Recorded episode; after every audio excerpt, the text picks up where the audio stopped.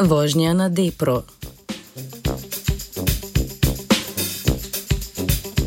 Dobro jutro z Radio Student. Upamo, da vas nismo ujeli stoječih v jutranji prometni konici, po možnosti med vožnjo na delo. Danes poročamo o delu Južno-Korejske raziskovalne skupine, ki je proučila povezavo med razvojem simptomov depresije in časom porabljenim za prevoz na delovno mesto in nazaj.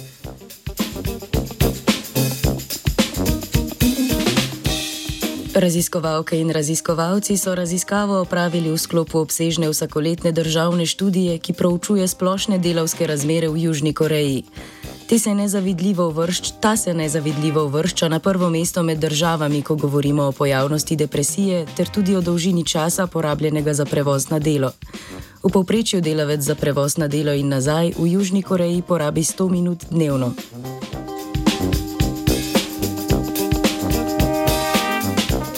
Na podlagi obširnejše državne študije o delovskih razmerah je raziskovalna skupina oblikovala vzorec delovstva starega od 20 do 59 let. V raziskovalni vzorec so vključili zgolj osebe, pri katerih so bili podatki o duševnem zdravju in času prevoza na delo ustrezno predhodno pridobljeni. Simptome depresije so v državni študiji ocenjevali na podlagi vprašalnika dobrega počutja Svetovne zdravstvene organizacije. Povečanje števila simptomov depresije so zaznali pri četrtini opazovanih.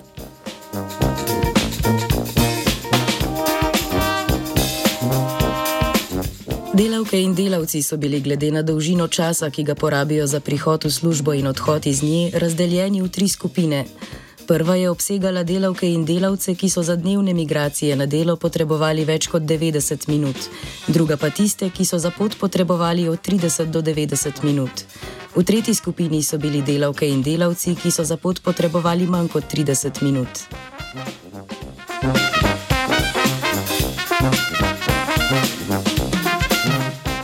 Statistično analizo je raziskovalna skupina odkrila linearno asociacijo med dolžino časa porabljenega za dnevne migracije na delo in pojavnostjo simptomov depresije. Natančneje, pojavnost simptomov depresije je bila pri skupini delavcev, ki so za pot dnevno porabili več kot 90 minut, za 16% višja kot pri skupini, ki je za pot dnevno porabila manj kot 30 minut.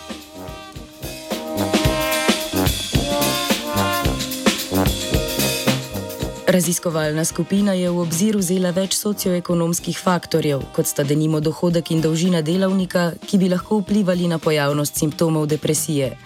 Kljub temu številnih posameznih dejavnikov tveganja za pojavnost simptomov depresije ni bilo možno upoštevati. Ugotovitve skupine razkrivajo. Pardon. Ugotovitve skupine razkrivajo, ne razkrivajo vzročno-posledične zveze med daljšim časom vožnje na delo in povečanim nastopom simptomov depresije. Kot možno razlago mehanizma, po katerem bi lahko daljša pot na delo sprožala simptome depresije, skupina poudarja, da čas vožnje na delo lahko povzroča stres, saj vožnja na delo zahteva veliko fizične in psihične energije. Pa srečno pot.